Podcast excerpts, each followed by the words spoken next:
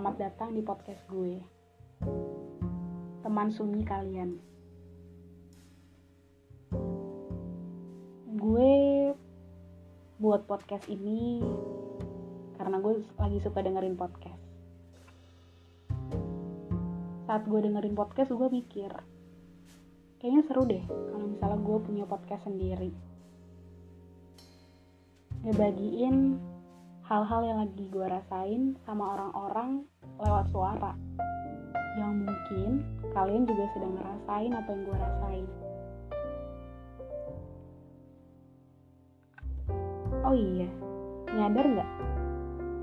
Kalau misalnya 2020 tuh tinggal kurang dari 100 hari. Sejak 16 Maret 2020 sampai sekarang lama banget ya. Udah setengah tahun. Lebih malah. Banyak banget orang yang merasa kehilangan di 2020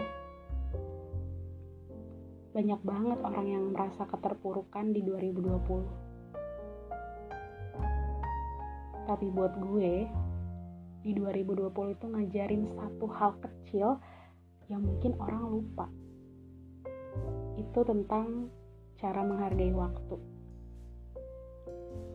Iya, cara menghargai waktu. Ada satu kejadian yang buat gue bisa menghargai waktu di 2020 ini. Yaitu pas gue sama teman-teman gue retret. Buat teman-teman gue, kalau misalnya lo denger ini, mungkin lo akan berpikir yang sama sama kayak gue Waktu itu Februari 2020. Kelas 9A sama kelas 9D retret bareng. Terus kelas 9B sama 9C retret bareng. Iya, dua gelombang. Retretnya cuma di Tangerang Selatan lagi. Bukan di puncak yang dingin, adem, kayak kakak-kakak kelas kita. Tapi dari situ gue bisa belajar menghargai waktu. Di mana waktu sebelum retret gue dan beberapa teman gue ngotot ke guru. Ayolah pak. Retretnya di puncak aja. Dan setelah UN kan gak lucu ya retret sebelum UN kita minta tapi emang tetap gak bisa. Katanya dari Romo Direktur udah kayak gitu akhirnya mau gak mau kita ngikutin aturan sekolah dong. Kita retret di Tangerang Selatan. Dan mau gak mau harus dua gelombang. Akhirnya selama tiga hari dua malam gue sama anak-anak kelas 2 dan anak kelas 9D ya ngabisin waktu bareng-bareng. Kita main bareng-bareng kita senang-senang bareng. Dan di malam kedua gue sama kelas gue nangis juga bareng-bareng saling minta maaf juga. Terus hari-hari belakangan ini gue mikir coba deh kalau waktu itu retretnya setelah UN pasti nggak bakalan bisa. Karena si corona udah dateng tanpa diundang kalau misalnya retretnya habis UN pasti retretnya via Google Meet atau via Zoom. Kan gak lucu ya?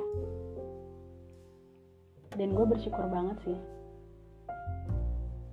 Masih bisa retret bareng-bareng walaupun dua gelombang tapi masih bisa main bareng tanpa mikirin adanya jaga jarak. Masih bisa pegangan tangan masih bisa peluk-pelukan gitu kejadian sederhana yang mengajarkan hal sederhana juga, tapi bisa bermanfaat buat gue ke depannya. Ya walaupun gue sekarang masih males-malesan sih. Tugas dikasih seminggu yang lalu, gue baru ngerjain pas hamin satu sebelum dikumpul. Iya, itu emang salah satu contoh gue ngebuang waktu banget. Tapi itu semua bakal bisa diubah. Bakal ada waktunya untuk diubah. Tapi emang ngebutuhin waktu yang gak sebentar. Gue mikir, waktu tahun baru 2020. Kayaknya 2020 nih bakal jadi tahun yang wow gitu gue bakal lulus SMP bakal perpisahan sama teman-teman gue. Gue bakal SMA di Jogja. Ketemu teman-teman baru yang sebelumnya gue bener-bener gak kenal gitu. Tapi akhirnya itu semua udah pupus. Padahal gue udah buat fantasi di kepala gue pokoknya ntar di Jogja gue pengen ke sini pengen ke sono pengen ke mana mana dah gue jalan-jalan dah akhirnya nggak terrealisasikan. Ya karena itu tadi virus yang nyebelin.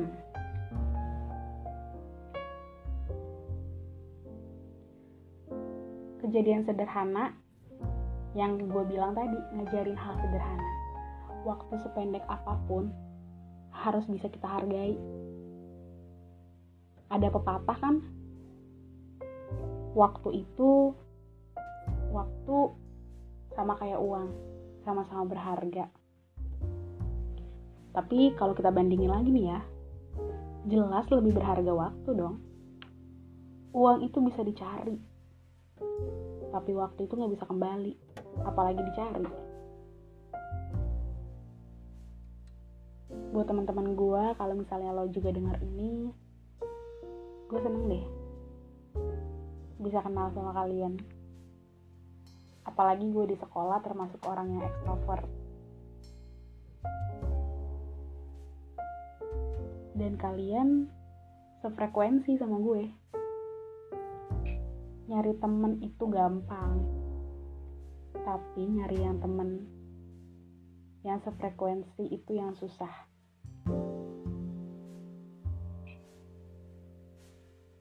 Banyak yang bilang masa-masa paling indah tuh masa SMA tapi untuk gue saat ini masa yang paling indah ya pas SMP di mana gue punya banyak temen bisa bercanda bareng tanpa ada baperan ya. Mungkin beberapa waktu emang adalah yang baperan tapi kebanyakan emang ya dibawa enjoy aja gitu bercandanya gitu. Selama itu nggak nyakitin hati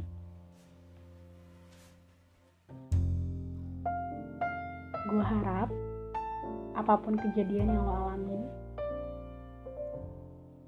bisa ngajarin lo tentang betapa pentingnya menghargai waktu ya. Secepat apa pun waktu itu mau itu lima menit mau itu satu menit sekalipun itu berharga banget. Coba lo bayangin saat lo punya tugas deadline pengumpulannya jam 2359 tapi lo ngirim jam 00 coba udah telat semenit kan? Dan tulisannya terlambat diserahkan. Sakit banget dong cuma telat semenit. Karena gue juga pernah kayak gitu telat semenit. Makanya jangan lupa ya selalu hargain waktu yang kamu punya